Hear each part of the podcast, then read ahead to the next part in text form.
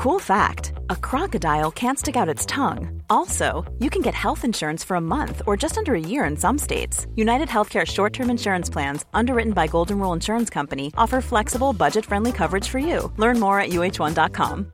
This is Paige, the co-host of Giggly Squad, and I want to tell you about a company that I've been loving, Olive and June. Olive and June gives you everything that you need for a salon quality manicure in one box. And if you break it down, it really comes out to $2 a manicure, which is absolutely insane. It's also so easy to get salon worthy nails at home with Olive and June. The difference between how your nails used to look when you did them yourself and now with the Manny system is a complete game changer. The best thing about Olive and June too is it's a quick dry. Dries in about 1 minute, lasts for 5 days and full coverage in up to 1 to 2 coats. Visit oliveandjune.com slash perfectmanny20 for 20% off your first system. That's oliveandjune.com slash perfectmanny20 for 20% off your first system.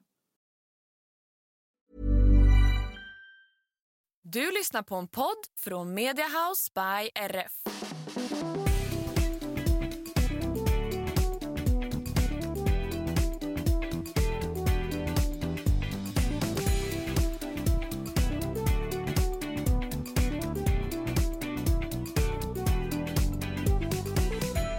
Hej allihopa och varmt välkomna till systrarna Elfstrands hästpodd avsnitt 160. Välkomna, jag som pratar nu heter Emma. Och jag heter Anna och det här är podden om mig, min kära syster och våra fyra hästar. Det stämmer bra då eftersom det här är ett jämnt tiotals avsnitt så betyder det att vi ska ha ett qa avsnitt idag Anna. Ja men jag är taggad. Jag med. Hur mår du idag? Jo men jag mår finemang. Solen skiner, himlen är blå och imorgon... Vad det är skönt att leva då. Ja men imorgon kommer det inte vara lika skönt att leva för då ska det tydligen bli snöstorm. Ja men jag har en smula ångest över det ärligt Jag talat. med. Jag får ju det när jag ser att det ska bli så här jobbigt väder så kan jag få lite så här ångest på slag.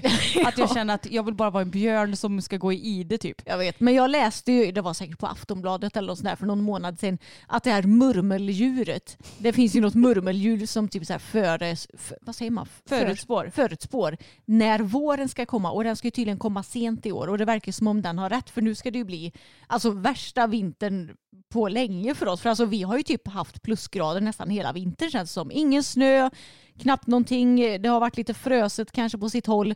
Men nu så ska det bli typ så här åtta minusgrader och snö. Ja men eller hur. Men alltså jag fattar inte hur ett murmeldjur kan känna av när det blir vår och inte. Ja, men nej, de har väl någon sorts intuition. Ja. Kanske känner av lite Och hur vindar.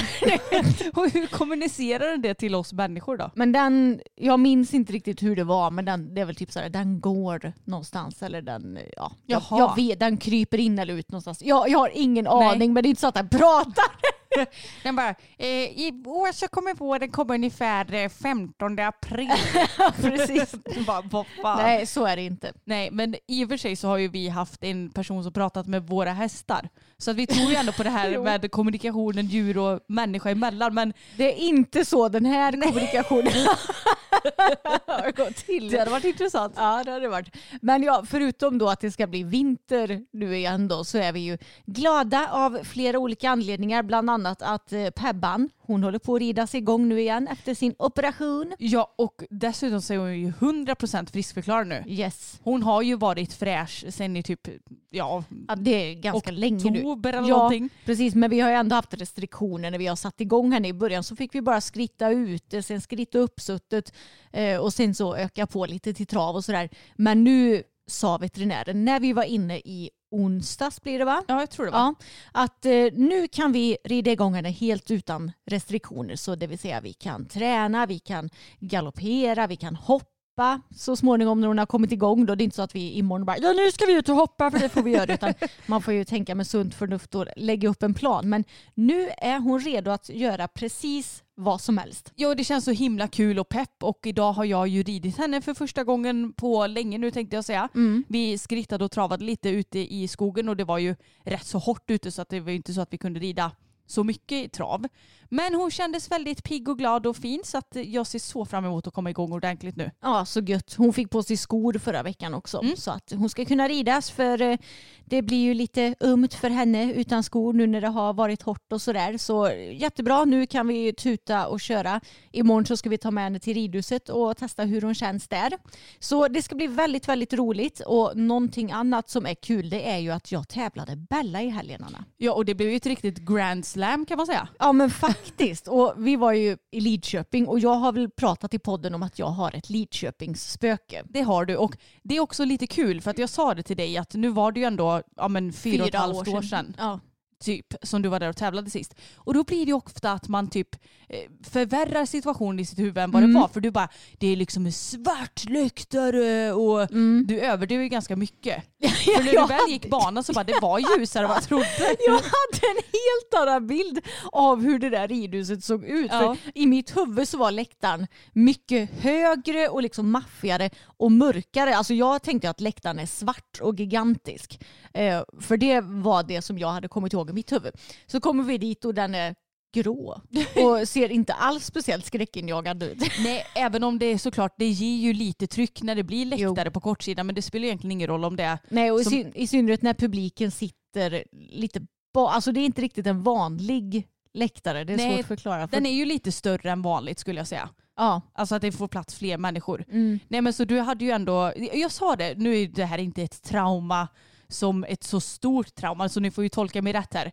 Men när man får något form av trauma, litet som stort, så blir det ju lätt att man bygger upp det väldigt mycket mer i sitt huvud Mm. sådär några år efterhand. Ja. Så det hade du verkligen gjort. Jag sa det till Reda, har de gjort om det här eller? Och jag bara nej. nej. Du bara nej, det har alltid sett ut och jag bara jaha. Men ja, Bella hon har ju blivit några år klokare uppenbarligen för hon brydde sig inte någonting om den här läktaren som var så himla läskig när hon var fem år. Nej och det kan ju också att hända att eh, ryttaren har blivit lite duktigare på att rida och inverka på sin häst Man också. får väl hoppas på det i alla Ja, fall. men eh, nog pratat om hur Lidköpings ridhus ser ut. Hur gick tävlingen? Jo men det gick bra. Först hoppade jag 90 centimeter och den rundan, det kan vara en av de bästa rundorna som jag har ridit tror jag. Jag håller verkligen med. Det var så snyggt ridet. Jag tyckte att du var aktiv utan att överila någonstans. Och det var ju nio hinder och Mm. det var relaterade avstånd, eller typ, det var linjer Ja. mellan alla hinder förutom till hinder nummer nio. Mm. Och jag tyckte att du red så bra, du red som planerat. Och sen så kom du på hinder nummer sju Ja. och det var ett vågplank. Mm. Och det är ju det enda som vi har kommit på hittills som Bella har tittat på. Hon är ingen tittigast men vågplank, hon gillar inte det. Hon tycker det är läskigt. Och då hade jag ändå varit framme och tittat på det två gånger innan. Eh, och så tänkte jag att ja, men första gången så liksom, då såg jag att hon spetsade öronen och såg lite spänd ut. Andra gången, ja, men då var det lugnt. Så då tänkte jag ja, men då är det väl ingen större fara. Men eftersom jag hade gjort exakt samma sak i Falköping och där att hon hade stannat till så att hon rev hindret sen för att jag inte var med. Då tänkte jag att nu måste jag ändå vara beredd när jag rider emot det här hindret. Och normalt sett kanske om du rider på en häst som är lite tittig och kanske speciellt, ja men säg att du har en häst som är lite eh, tittig på vattenmattor, det blir ju lätt att du kanske sitter och plockar lite själv och blir lite nervös. Mm. Men istället så red jag liksom bara framåt, jag hittade ett bra framåtläge och tänkte nu ska jag inte sitta och backa mot det här jäkla hindret. Mm. Och jag fick ju för övrigt väldigt bra framåtläge hela den här banan så det var också det som jag, var- som jag var så nöjd över att hon var framme utan att bli lång. Men i alla fall mot det här våghindret nu då så kände jag att ah, men nu har jag hittat ett bra läger. Och då känner jag att då får hon syn på vågplanket. Hon tittar till, hon tar nästan som ett litet litet steg åt höger eller känner att hon är på väg åt höger och stannar upp lite grann. Då bara jag peppade henne lite med rösten, duttade på lite med spöet på bogen och sen så flög hon bara över hindret och så fortsatte hon. Så jag har insett att hon behöver nog lite pepp mot vågplank just nu. Ja, och jag tänker också att om du fortsätter med den här ridningen på vågplank på tävling så tror jag att hon till slut kommer att släppa det helt. Ja. När hon inser att ja, ja men det var ingen Nej, fara. nej men i en meter så var det ju ingen som helst fara. Nej, ju, exakt. Hon behövde bara komma över det en gång och sen Mm. var det lugnt. Ja, så det var en snygg felfri runda Mm. och jag tyckte att hon såg så stark och spänstig ut och du red jättefint. Ja men jag är väldigt nöjd. Sen i en meter det var ju bedömning A0 plus A0. Det vill säga eh, om du var felfri i grundomgången så blev det en omhoppning. Och jag är inte lika nöjd med den här klassen för jag kände att mm, kanske vi båda två var lite mer vimsiga i den här klassen. det kändes som om Bella ville tränga lite mer inåt i den här klassen. Hon var inte riktigt lika framme för skänken och um, att hon var lite mer vinglig. Ja, det blev sense. lite, lite mer av och på ja, i den här det klassen. Det blev lite mer av och på. Jag, um, jag vet att på någon distans så fick jag ett språng mer än vad jag fick i första klassen för att hon ja, men vinglade till och landade i lite fel galopp och ja, allt vad det nu var. Men överlag så hoppade hon ju superfint hela grundomgången så jag menar sprången var inget fel på. Det var lite däremellan som det kanske blev lite vingligt så att säga. Men sen då omhoppningen. Eh, den passade oss egentligen inte sådär jättebra. För Bella hon är mer en sån där som man kan, kanske kan vända upp ganska så snabbt innan hinder och ibland även efter hinder. Åtminstone om det är räcken som hon kanske inte hoppar så långt över. Men den här omhoppningen var det väl mestadels eh, alltså transportsträckor och inte så här, det var kan... inga svängar i princip? Nej, det var väldigt lite så här, här kan du vända innanför. Mm. Så jag kände det när jag gick banan att ja, men det här kommer inte passa oss sådär skitbra men jag får eh, köra på så gott jag kan. Och jag hade lagt upp en plan precis hur jag skulle rida den. Men sen när jag väl red omhoppningen så blev det ju inte riktigt så som jag hade tänkt mig. Jag, det, det, blev ett språng mer på första distansen för att hon inte riktigt var med mig där. Sen fick jag till svängen till nästa hinder och då var det också relaterat. Och sen efter det hindret så hade jag egentligen tänkt ja, vända snävt innanför en typ ett typ blomsterarrangemang. Mm. Men det hann jag inte för det var en också som hon hoppade så bra över så jag kände att jag hade inte riktigt balans för att göra det så jag fick bara försöka hålla galoppen och sen plockade jag bort ett eh, språng på sista distansen. Så ja, jag var lite missnöjd med min ridning och att det inte riktigt blev som jag hade tänkt mig. Alltså som du sa, att det blev lite av och på och inte riktigt samma flyt som i 90. Men jag var ändå väldigt nöjd över att vi lyckades bli dubbelnolla. Och dessutom var vi ju eh, snabba nog för att få en placering. Och det är jag väldigt nöjd över, för tidigare med Bella när det kommer till placering så har jag varit tvungen att verkligen rida så snabbt jag bara kan har det känts som för att bli placerad. Men nu kändes det som att fan jag hade kunnat rida betydligt snabbare och att mm. jag ändå får en placering. Så det kanske ändå är något litet bevis på att jag har blivit lite snabbare av naturen. Ja men jag tänker det också och jag tror att hon har ju blivit mycket starkare i sin galopp framförallt. Så då kanske hon orkar galoppera på lite mer ja. utan att det egentligen går så mycket snabbare. Ja men precis. Men jag stod där uppe och tänkte bara fasen Emma du hade kunnat rida fortare mm. men ibland så är det ju så. Jag menar vi har ju pratat om det i podden att det är ganska sällan som vi rider två klasser på en dag. Just för att det är svårt att, ja men har första klassen gått väldigt bra så är det svårt att ladda om för att man tycker så att mm. men jag har ju redan presterat och hästen har redan presterat. Ja. Och har man tvärtom ridit en riktigt skitrunda så kan det nästan vara så att man bara åh, ska jag orka rida en klass till när det gick så jäkla dåligt typ. Mm. Men du, du gjorde det ju bra. Ja. Det är bara att det är klart att det kunde vara ännu lite bättre. Men ja. jag tycker absolut inte du ska vara missnöjd utan Nej. tvärtom. Nej men jag är så nöjd med hur hon hoppade och allt sånt där. Så det var väldigt roligt. Vi kom på en trettonde placering av fjortonde placerade.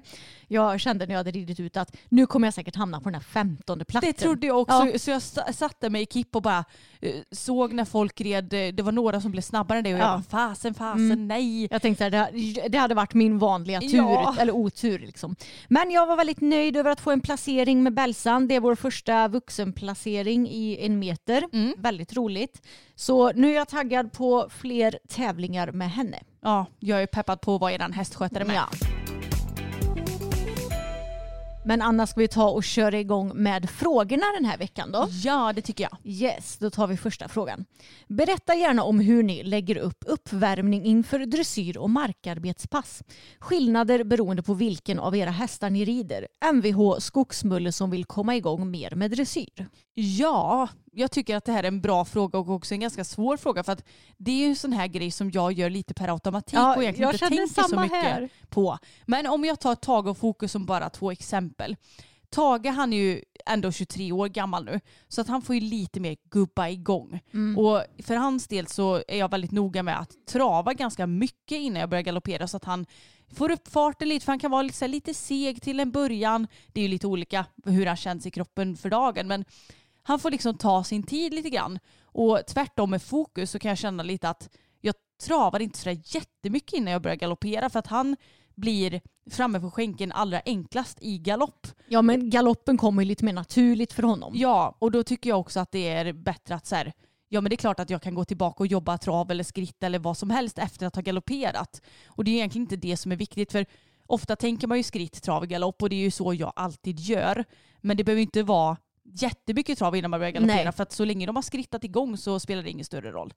Men vad gör vi då? Alltså hur lägger vi upp det? Vi är ju noga med att skritta och vi brukar alltid skritta avsuttet i princip. Mm. Och sen när vi har skrittat våra, ja men tio minuter, en kvart kanske.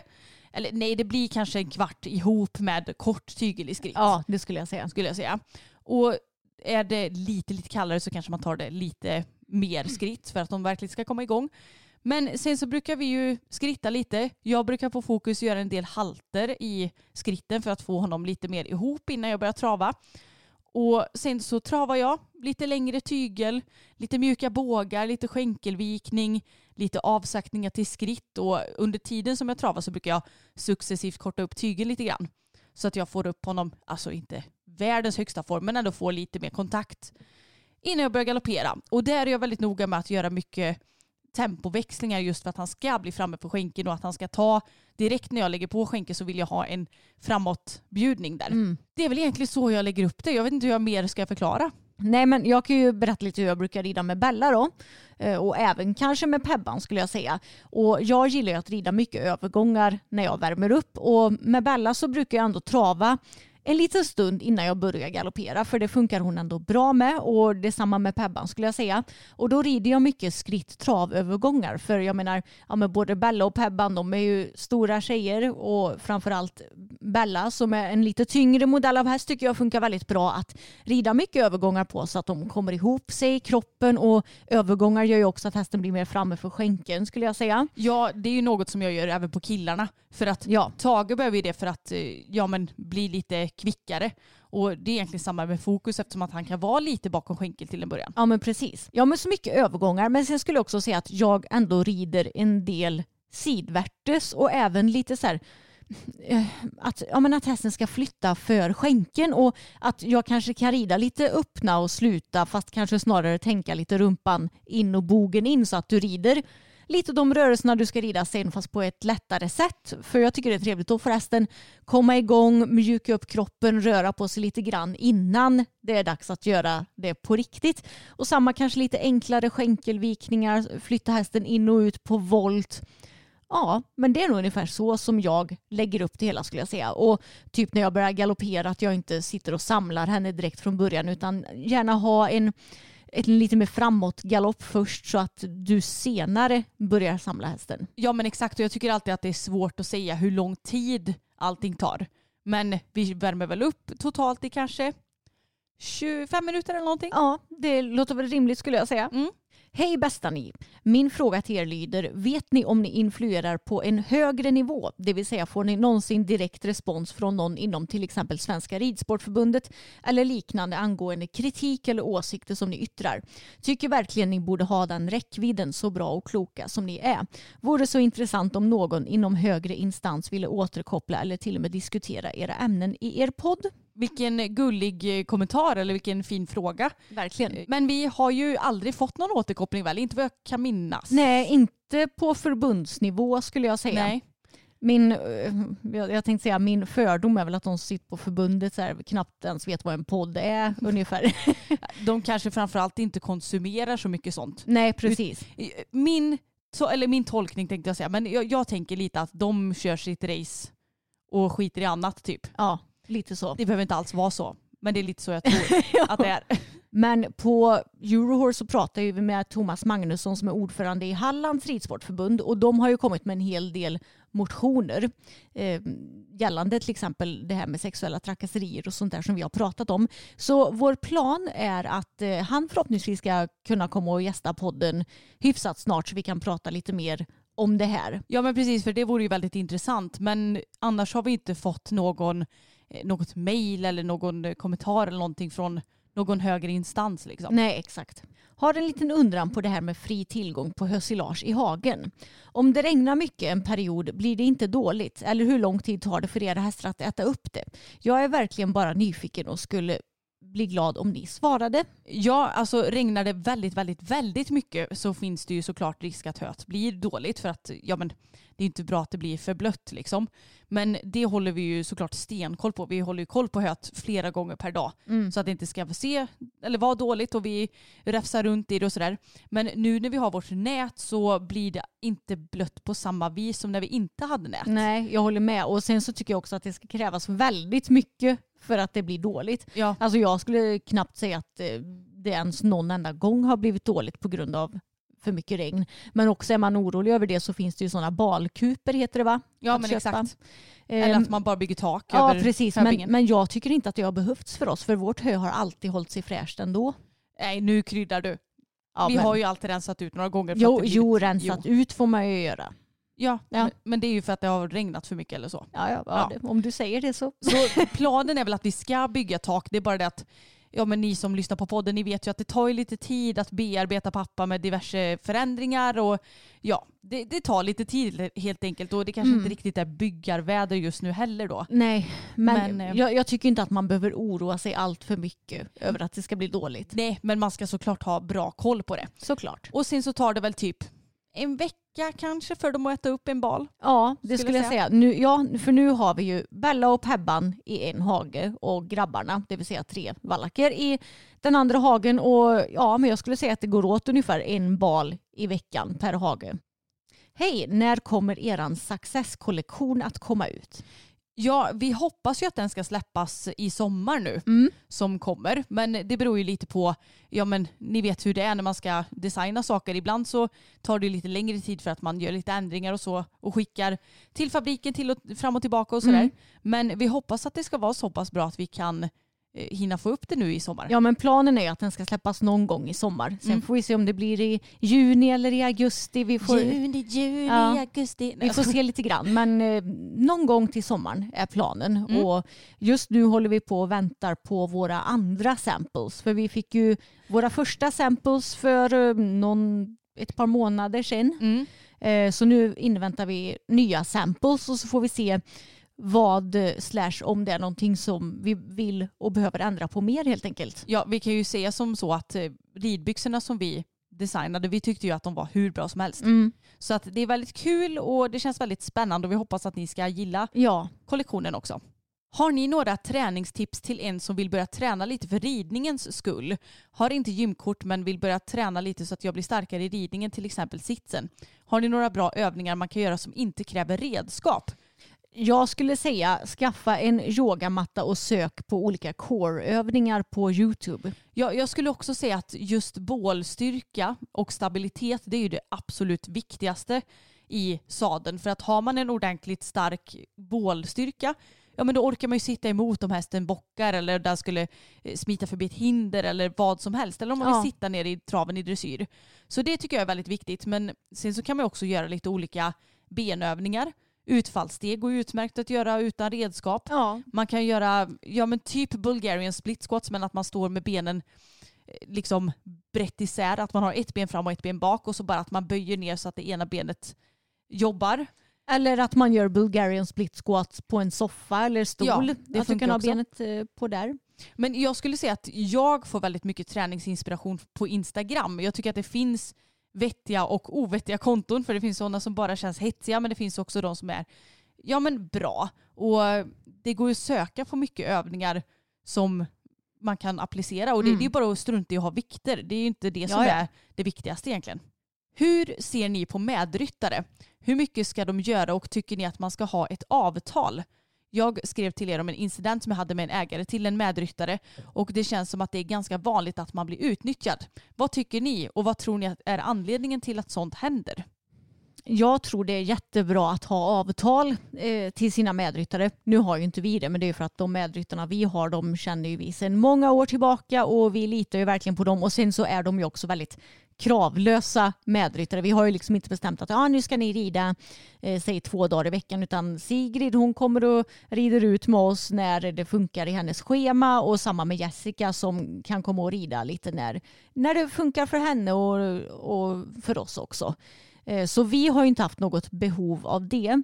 Men jag tror att det är väldigt bra att skriva ett avtal och där det står exakt vilka krav ehm, som, eller vad som, ja, men vilka krav hästägaren har på medryttaren, det vill säga om den ska utföra några stallsysslor och i så fall vilka, eh, hur mycket ridning som ingår, hur många dagar i veckan, vad som medryttaren ska göra under ridpassen. Är det bara utritter till exempel eller är det också olika sorters träning på ridbanan? Ja, får Ja. den tävla, får den träna för tränare. Så att jag, jag tycker att det viktiga är att vara väldigt överens om vad som ingår, vad som inte ingår, vad som ska betalas eller inte betalas. Ja. Och vi har ju aldrig tagit något betalt av våra medryttare utan vi ser Nej. det ju bara som positivt att vi får lite avlastning ibland. ja, men exakt.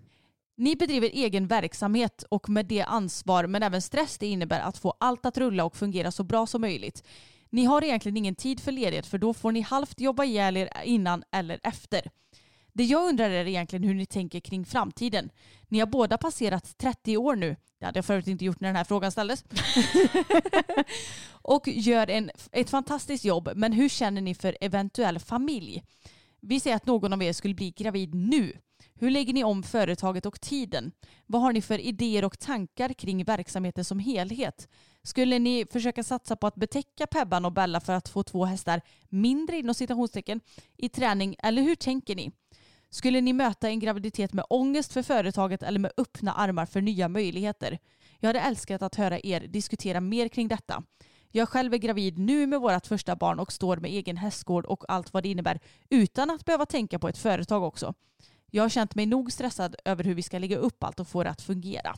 Ja, alltså vi har väl inte tänkt så himla mycket på det här för det känns som att det ligger ju inte direkt inom den närmsta framtiden för någon av oss. Nej. Men samtidigt så tänker jag att om det skulle ske så vill jag ju tro att vi hade kunnat lösa det på något vis. Och som eh, personen skrev det här med att betäcka eh, Pebban och Bella, det har jag faktiskt tänkt på att ja, men om jag någon gång skulle bli gravid då kommer jag nog försöka betäcka åtminstone någon av våra ston i samband med det. Så att, Ja, försöka tajma in Ja, det lite. försö- försöka tajma in det ja, precis så att det ändå blir lite avlastning under den tiden som det kanske är svårt för en annan att rida och både fysiskt och att man ska ha tid och ork och sådär till det.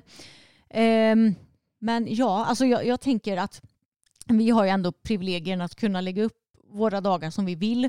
Vi har ju också vår mamma. Hon är ju pensionär så hon skulle ju säkert kunna hjälpa till. Eh, det hade hon kanske tyckt varit roligt hoppas jag.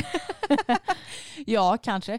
Nej men alltså, jag är ju inte sugen överhuvudtaget just nu på att ha barn. Nej. Jag vet inte om jag någonsin kommer att bli det faktiskt. Mm. För att jag eh, känner bara, nu, nu ska jag inte komma här och, för den här personen är ju gravid och ska få barn. Men jag vet att det är många som inte håller med mig i det här. Men jag blir ju typ bara mer och mer avskräckt när jag hör hur trötta folk är och det är så mycket jobb och Mm. det är sån omställning och bla. Alltså, det enda jag hör det är folk som gnäller Ja, jag vet. på sina barn och då känner jag bara, nej men gud vad skönt att jag inte har något barn. Nej, alltså jag skulle ju vilja ha barn om man tänker så här eh, 20 år framåt när de är vuxna så att man kan Ja, umgås med dem. lite och, så. så att, eh, ja jag vet inte, det, det kanske låter konstigt, men så att man har någon som ändå kan efter hand om en, Ja, ja. men exakt. Men just det här med småbarnsår och eh, barn och sådär, det lockar ju mig inte heller egentligen. Nej, men det är ju också så, jag förstår ju att det är en tuff period men sen att man tar sig igenom det och att det går Mm. bra sen såklart.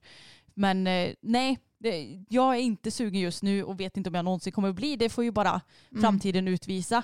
Och eh, jag tror nog att det mesta löser sig nog. Ja. Man får nog bara ge fasen på att försöka planera så gott det går. Mm. Var ödmjuk till att eh, om nu man har tänkt att man ska rida, man ska precis sitta upp och barnet vaknar och är hungrigt, ja då kanske man bara får strunta i att rida den dagen eller man får eh, låta någon annan rida. Alltså, man får nog vara väldigt ödmjuk till eh, att det inte går som tänkt alltid. Ja, och vårt jobb, vi kan ju säkert anpassa det också. Det är liksom Ja. inte så att det är ett måste att vi ska lägga ut exakt eh, filmen på den här tiden eller exakt så många filmer i veckan till exempel. Nej. Och sådär. Och jag menar, det har ju garanterat våra följare förståelse för ifall vi skulle hamna i den situationen tänker jag. Gud ja, så att eh, egentligen känner vi väl inte så stressade kring det. Nej, men jag alltså, säga. jag försöker att inte oroa mig för mycket för framtiden och det är också därför när vi får sådana här frågor. Jag lever ju så mycket i nuet så jag tänker ju aldrig på hur mitt liv ska se ut om ett år, två år, tre år, tio år utan det ger ju mig mest bara stress och ångest utan jag försöker att leva lite mer här och nu istället och det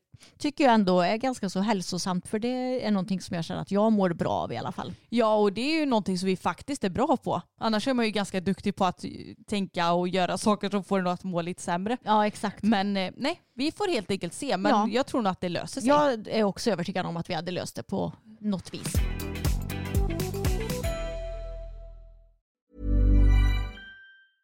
A lot can happen in the next three years. Like a chatbot may be your new best friend. But what won't change? Needing health insurance. United Healthcare Tri Term Medical Plans are available for these changing times. Underwritten by Golden Rule Insurance Company, they offer budget friendly, flexible coverage for people who are in between jobs or missed open enrollment. The plans last nearly three years in some states, with access to a nationwide network of doctors and hospitals. So, for whatever tomorrow brings, United Healthcare Tri Term Medical Plans may be for you. Learn more at uh1.com. There's never been a faster or easier way to start your weight loss journey than with PlushCare.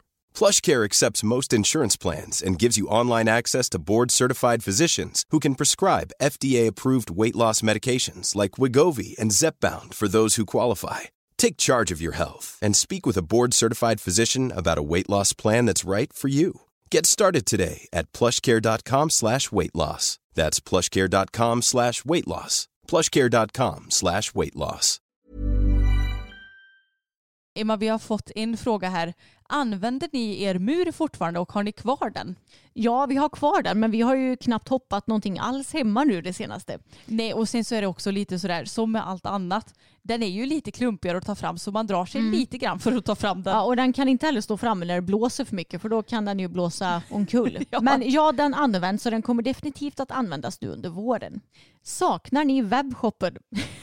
Nej. inte det minsta. Nej, det är faktiskt otroligt skönt att slippa det. Planer på beteckning i år?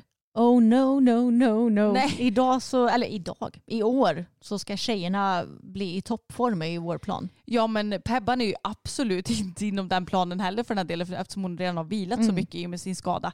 Så det ligger inom framtidplaner. Hur slutar man tycka att man är dålig för att man får ett dåligt resultat på till exempel en tävling?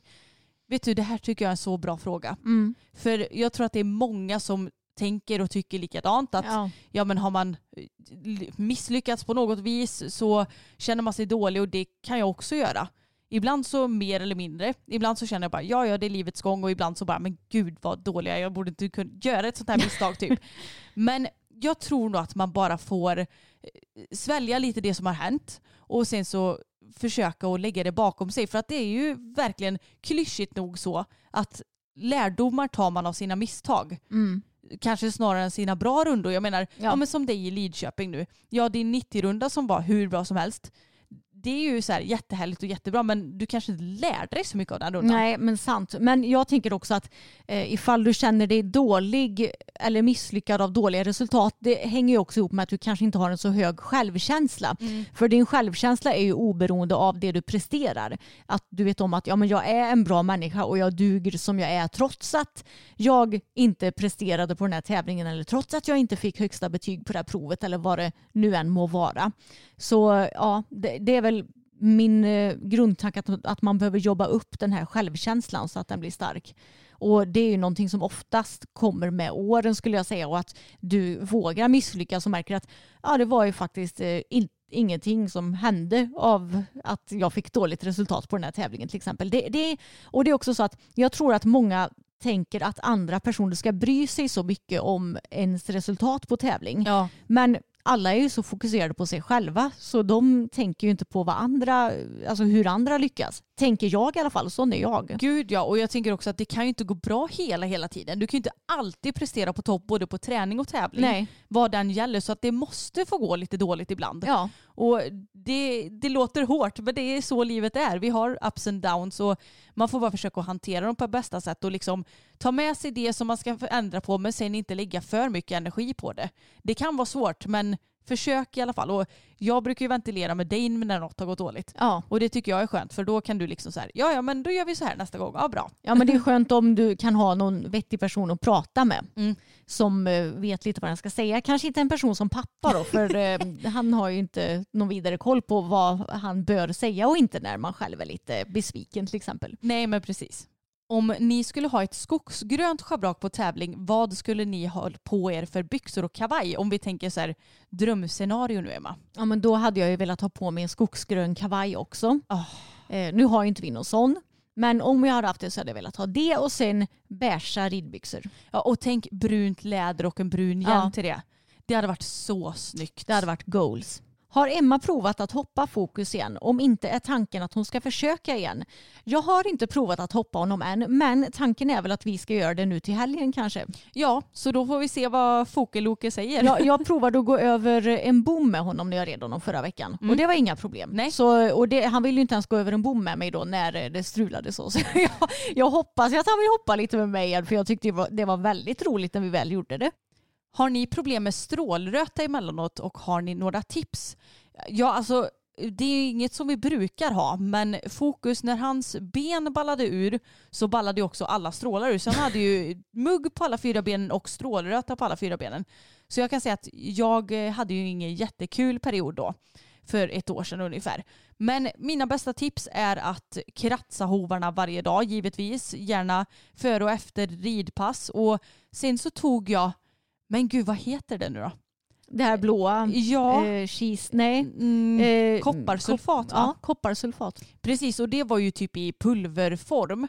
Så att jag tog och bara blötte upp det lite och så sprayade jag det på hans, hov, eller på hans strålar. Liksom. Och knökade även i lite pulver i fåran. För att när hästar får strålröta så brukar ju deras strålar liksom smalna av väldigt mycket så att det inte blir en bred och härlig stråle.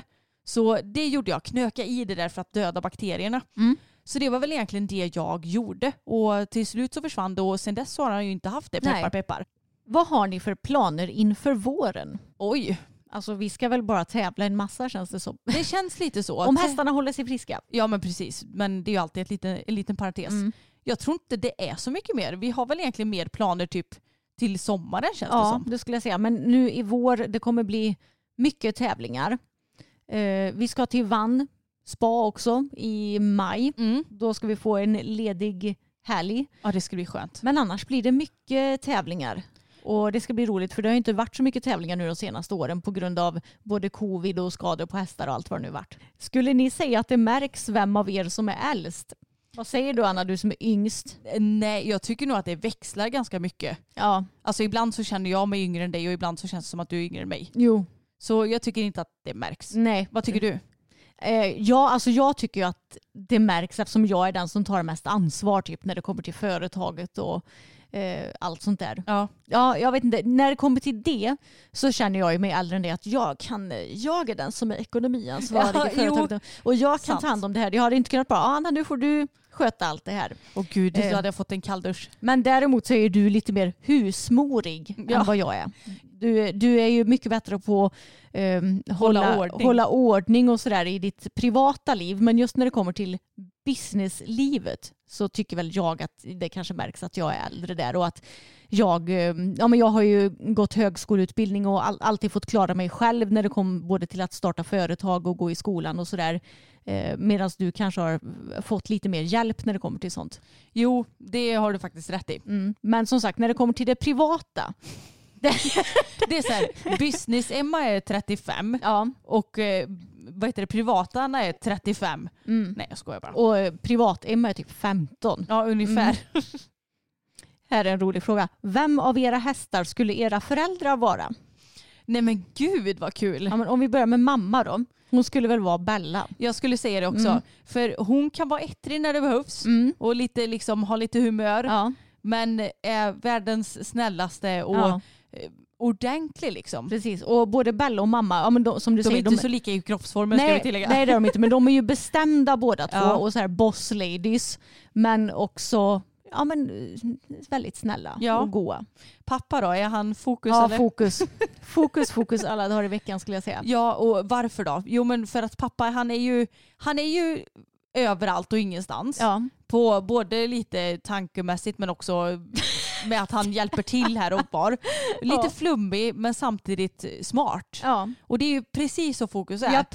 Man, ibland ena sekunden ska man tänka på men gud han har en halv hjärncell. Mm. Till nästa sekund så har han 10 000 hjärnceller. Mm. Så det är ju lite så pappa är också. Japp. Vad är er bekvämlighetshöjd på respektive häst? Oj, eh, Tage typ eh, 50 centimeter just Ja, nu. men det är nog typ samma här. Men jag har inte hoppat honom på evigheter eller? Nej, och för min del så beror det väl mer på att jag behöver hoppa mer. Sen så kanske Ja. den byggs upp lite.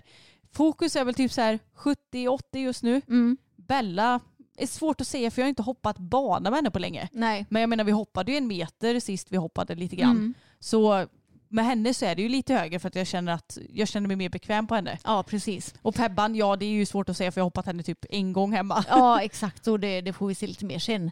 Men ehm, ja, fokus nu. Först och främst ska jag ta mig över hinder med honom igen. Det var 10 Så, så centimeter jag, får, jag, får, jag får passa på honom. Men Bella just nu skulle jag nog säga att min bekvämlighetshöjd är en meter bana på henne. Mm. Nu är ju mitt mål att jag ska jobba för att vi ska komma upp eh, på min bekvämlighetshöjd 1,10 kanske. Men, Ja, men en, en meter känns väl väldigt lätt nu. ja, en meter känner jag att det är bekvämt. Mm. Men samtidigt inte heller för lätt. Nej. Så ja, det skulle jag säga. Topp tre favorittävlingsplatser. Vad säger du? Ja men Falköping, Ja. är topp ett. Eh, men alltså vi har ju inte åkt sådär jättelångt. eh, Nej vi så har ju inte det. Heller. Men jag gillar Borås också. Ja. Där har jag ju bara tävlat dressyr i och för sig. Mm. Men tycker att det är en trevlig anläggning. Och sen så gillar jag Grevagården också. Ja. Jag tycker det är en trevlig tävlingsplats. ja men jag håller med. Hur var eran första avramling? Kommer du ihåg det Emma? Nej jag minns absolut Nej. inte när jag ramlade av första gången. Inte jag heller. Jag försöker gräva lite här i hjärnan. Mm. Antagligen var jag superdramatisk och grät eller någonting. Nej, jag kommer inte ihåg men det blev ju ett gäng avramlingar på ridskolan back in oh the days. ja! Men då slog man ju sig aldrig för dels så red vi ju på ponnysar för det mesta. Sen var man ju lite yngre och fräschare och smidigare i kroppen också. Numera bara, äh, men det gick nog bra och så dagen efter så bara, men gud jag har ont i hela kroppen. Ja.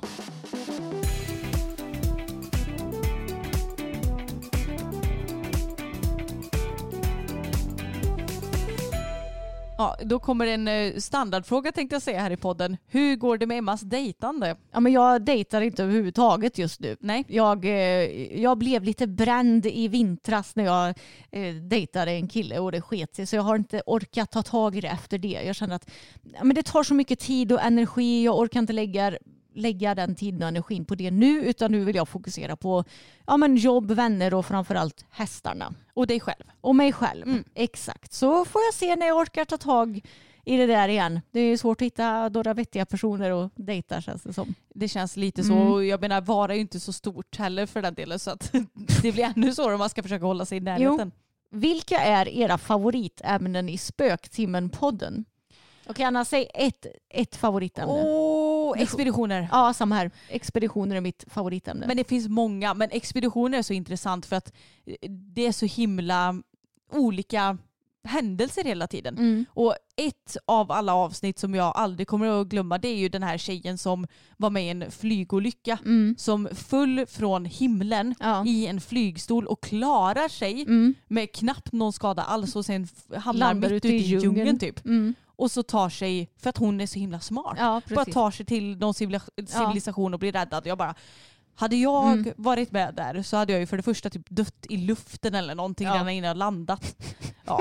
så, Ja, men, och hade jag klarat mig så hade jag absolut inte, jag hade ju trampat på någon krokodil eller något och blivit Ja, uppäten typ. Garanterat. Men jag älskar expeditioner och sen gillar jag också typ allt som har med true crime att göra. Mysterier gillar jag också.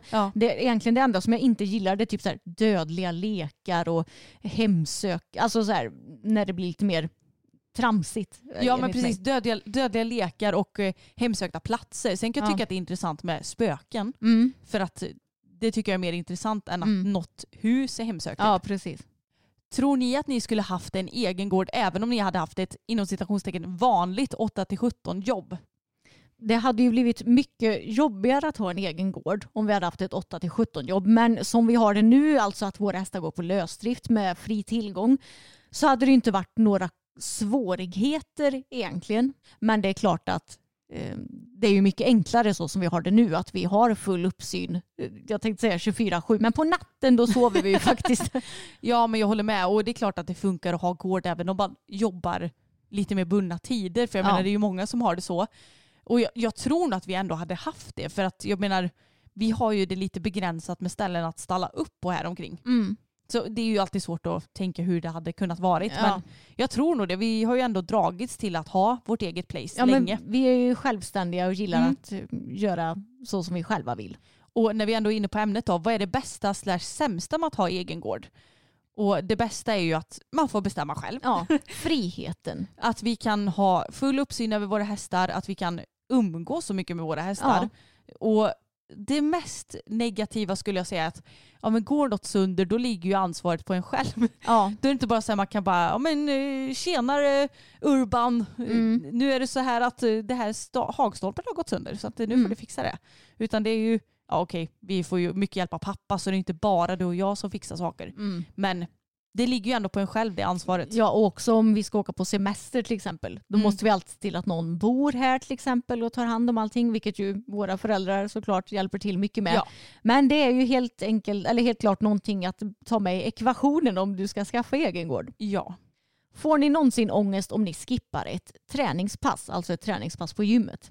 Nej, det får jag inte. Nej. Men däremot så kan det ibland kännas lite typ tråkigt. Alltså att Ja. jag känner så här, fastän det hade kanske varit kul att träna idag men Mm. ibland så hinner man inte och ibland orkar man inte och då Nej. får man ju bara acceptera det. Nej men vi är ju duktiga på att lyssna på våra kroppar. Mm. Om vi känner att eh, nej men idag så behöver jag vila eller eh, till exempel idag så ska vi iväg till veterinärkliniken eller vad det nu kan vara och Ja. då hinns det helt enkelt inte med. Men alltså, vi tränar ju de allra flesta dagar i veckan och vi har ju väldigt bra rutiner på det eftersom vi tränar på morgonen och det gör att vi blir piggare och kommer igång. Så det är ju sällan som vi skippar ett träningspass men om vi gör det så får vi inte dåligt samvete för det. Nej. Kan ni rida till ridhuset? Jag har förstått att det ligger nära er gård och ja, alltså vi hade ju kunnat göra det men det hade tagit ganska lång tid. Ja, och grejen också att om du ska rida i ett ridhus så gör du det antagligen för att typ vädret eller underlaget ute inte är tillräckligt bra. Så Ja. då, jag ser inte riktigt någon mening med att rida till ridhuset då eftersom vi har ridbana som vi kan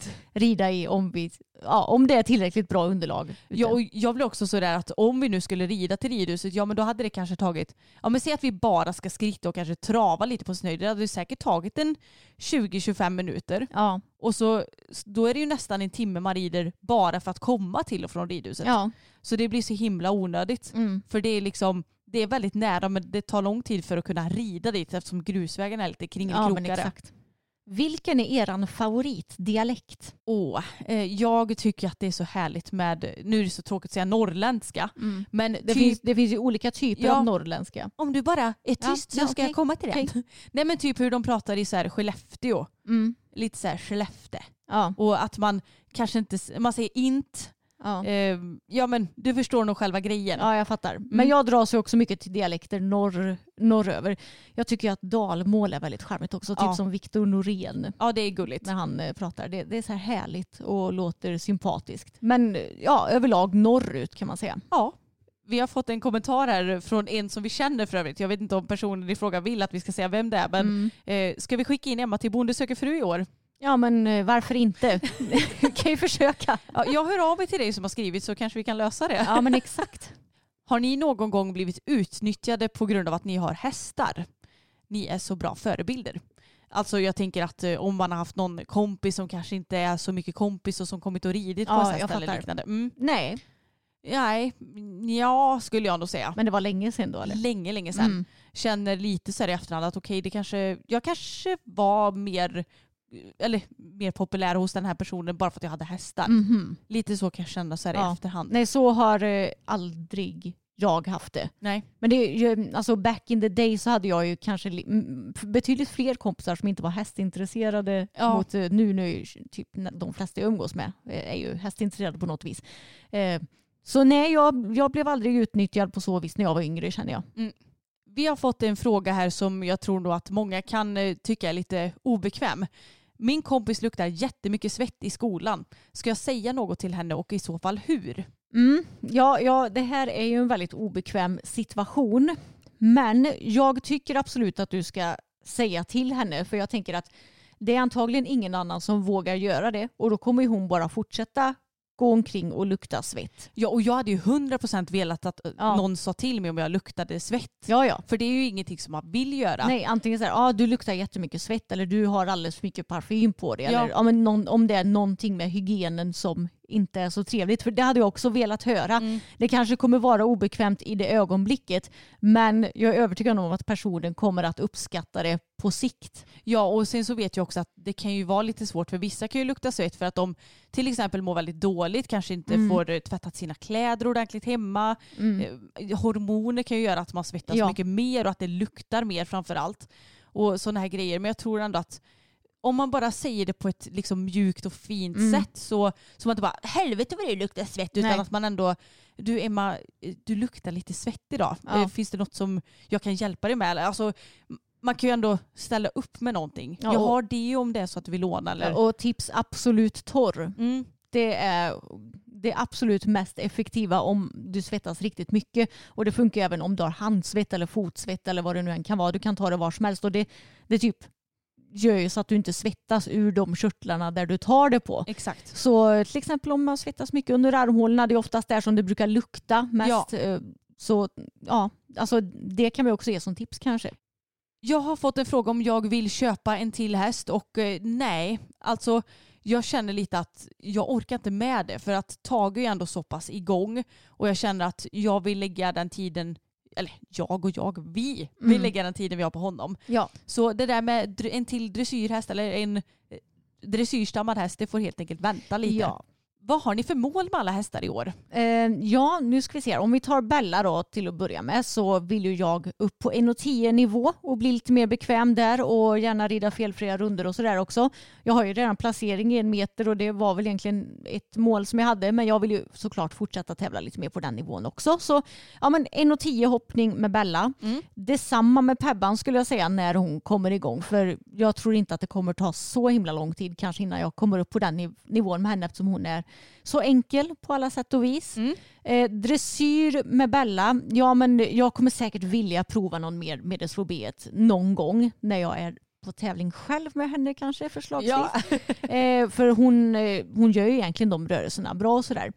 Så det skulle jag väl säga. Det, jag kommer nog mer fokusera på hoppningen i år Mm. med båda tjejerna. Men jag vill ju gärna starta någon dressyr med Pebban också. Kanske någon lätt B-klass eller lätt A-klass eller något sånt där. Ja, ja och mina mål det är med fokus att bli mer stabila i min svår B1. Eh, Mer stabila? Bli stabila kanske man ska säga för det första. Vi har ju inte blivit godkända än, vilket var förra årets mål, men jag ser inte så hårt på det utan det är bara att ta med det till detta året istället. Och dessutom så ska vi fortsätta att tävla lite mer så se nu den här vårterminen är min plan. Så ja men det är väl där vi hamnar. Ja. Skulle vi kvala och det börjar gå jättebra i Milsvå B1, ja men då kanske vi går vidare till Milsvå B2 eller någonting. Ja, Men det är liksom så här, jag har lite flytande plan om honom. Och sen så vore det kul att komma ut på någon hopptävling också. ja. När jag väl är lite varm i kläderna. Och med Pebban så vill jag såklart ut på dressyrbanan också. Mm. Typ en lätt B2 eller någonting. Ja, det låter väl bra. Hur har ert jobb, det vill säga sociala medier, påverkats av inflation och krig? Alltså det har inte påverkats så himla mycket skulle jag säga. Nej, inte direkt Nej. så. Det är klart att när kriget väl, eller väl, när kriget bröt ut precis i början så var väl kanske företag lite Ja, mer försiktiga Det skulle jag säga. med att typ eh, ja, men signa upp sig på samarbeten och sånt där. Ja, Men sen så när man förstod att ja men det var ju ingen enmånadskrig Nej. det där inte så återgick det ju lite mer till det normala skulle ja jag säga. precis. Och inflationen, nej det påverkas inte så jättemycket. Nej. Men man märker ju att saker blir dyrare. Jag, jag vet att vi fick en fråga. Ja, vad tycker ni om att 1K-hjälmar har gått upp i pris nu? Och det är sådär, ja men allt blir ju dyrare nu. Ja, Och det är ju så ekonomin fungerar. exakt. Den går upp och den går ner. Mm. Och just nu är den ju tyvärr upp då. Ja, så det påverkar ju oss mer i vårt privatliv skulle jag säga Ja. än i vårt jobbliv. Att vi får kanske tänka på och hålla i slantarna lite mer, vilket är lite svårt om man heter Emma Elfstrand och är helt galen i hudvård till exempel. Ja, lite så. Men man märker ju framförallt när man handlar mat att sådär, ett paket vindruvor som tidigare kostat sådär 30 spänn kostar 50 spänn Ja. och lite mer sådär.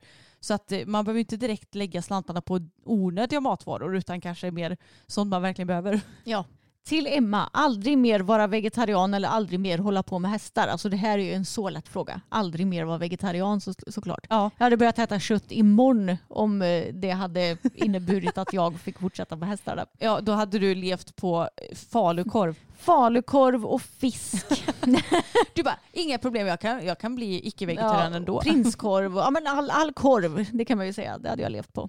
Vad är det högsta hindret och den högsta banan ni har hoppat? Jag har hoppat något hinder på 1,35 med boppen för en herrans massa, år sedan och bana på typ 1,20-1,30 med honom också för en Mm. herrans massa år sedan. Ja det låg mellan 1,20 och 1,30 då. Ja, Typ. ja något Mm. sånt där. Ja och jag har hoppat något enstaka hinder på 1,25 och sen så har jag väl hoppat banor på ja mellan 1,10 och 1,15 kanske. Så jag skulle säga. Och här fick vi en rolig fråga tycker jag. Ni tar ofta upp saker ni är bra på hela tiden i podden men känner ni er aldrig dåliga? Och jag, jag kan inte hålla med den här frågan för det, alltså, i mitt huvud så tycker jag ju mestadels att vi diskuterar det som vi behöver utveckla i podden och det som vi kanske känner att vi är mindre bra på. Jag håller med. För det känns som att eh, i, pollen, eh, i pollen, i podden kan jag gnälla av mig lite om saker som jag typ stör mig på i min ridning eller Ja, har svårt för. precis. Så det är ändå intressant att det är ju så med allt. Man kan ju se saker på olika sätt. Mm. Så den här personen kanske ändå tycker att vi pratar om det vi är duktiga på. Ja, Men eh, jag, jag tycker att vi brukar diskutera om sånt som vi har svårt för eller ja. är dåliga på. ja, men det tycker jag verkligen. Och så här, det här, men känner ni er aldrig dåliga? Jo.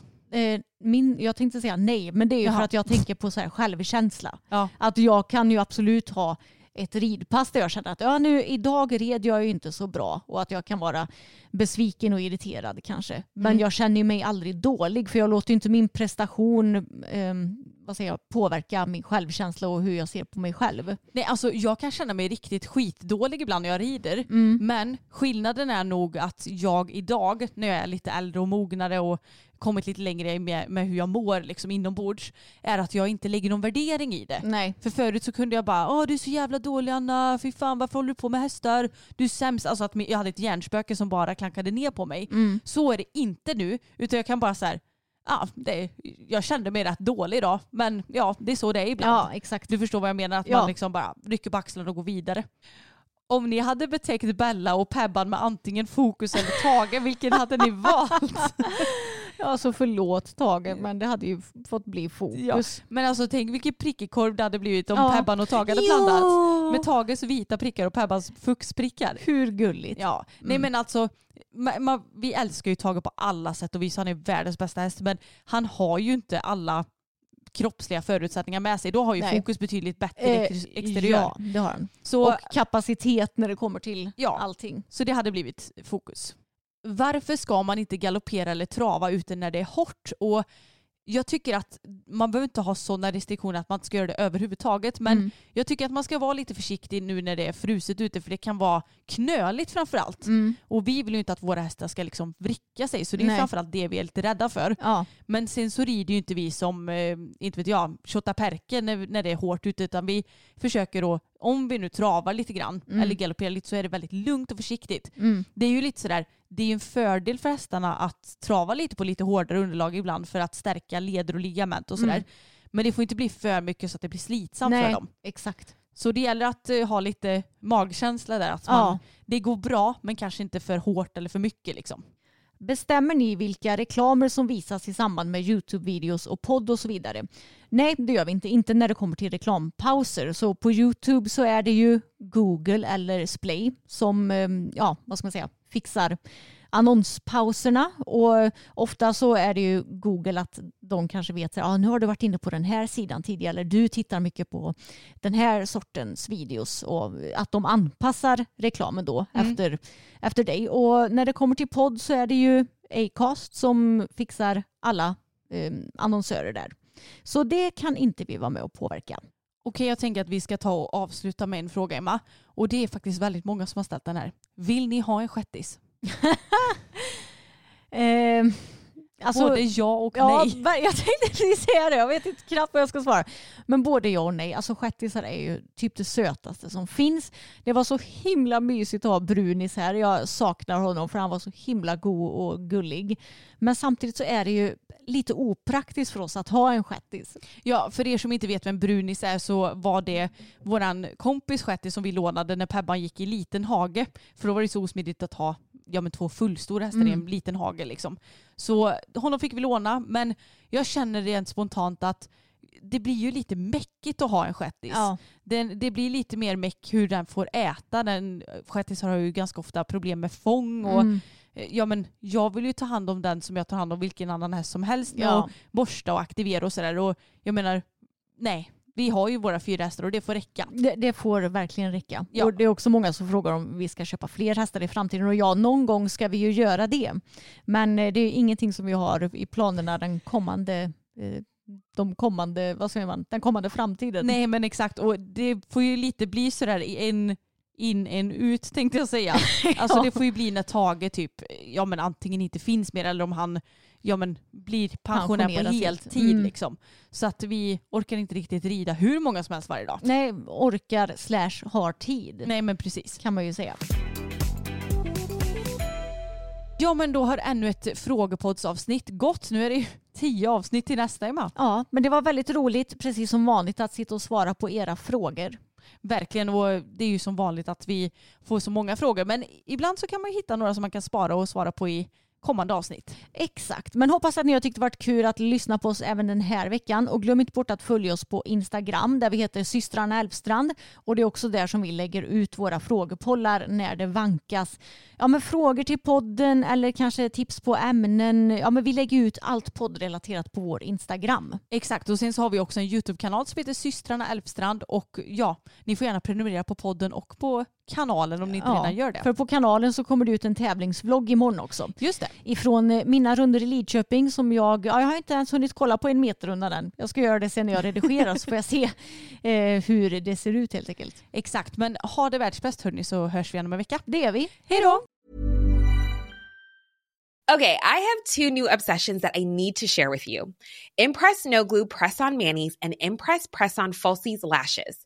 Trust me, these are getting ready game changers. Both require no glue, so there is no damage to your natural nails and lashes, no mess, and no annoying dry times. Just one step and you're done. Boom. Instant glam. Visit impressbeauty.com slash presson and use code PRESSON25 at checkout for 25% off Impress Manicure and Press-On Falsies. Mom deserves the best, and there's no better place to shop for Mother's Day than Whole Foods Market. They're your destination for unbeatable savings, from premium gifts to show-stopping flowers and irresistible desserts. Start by saving 33% with Prime on all body care and candles. Then get a 15-stem bunch of tulips for just $9.99 each with Prime. Round out Mom's menu with festive rosé, irresistible berry chantilly cake, and more special treats. Come celebrate Mother's Day at Whole Foods Market.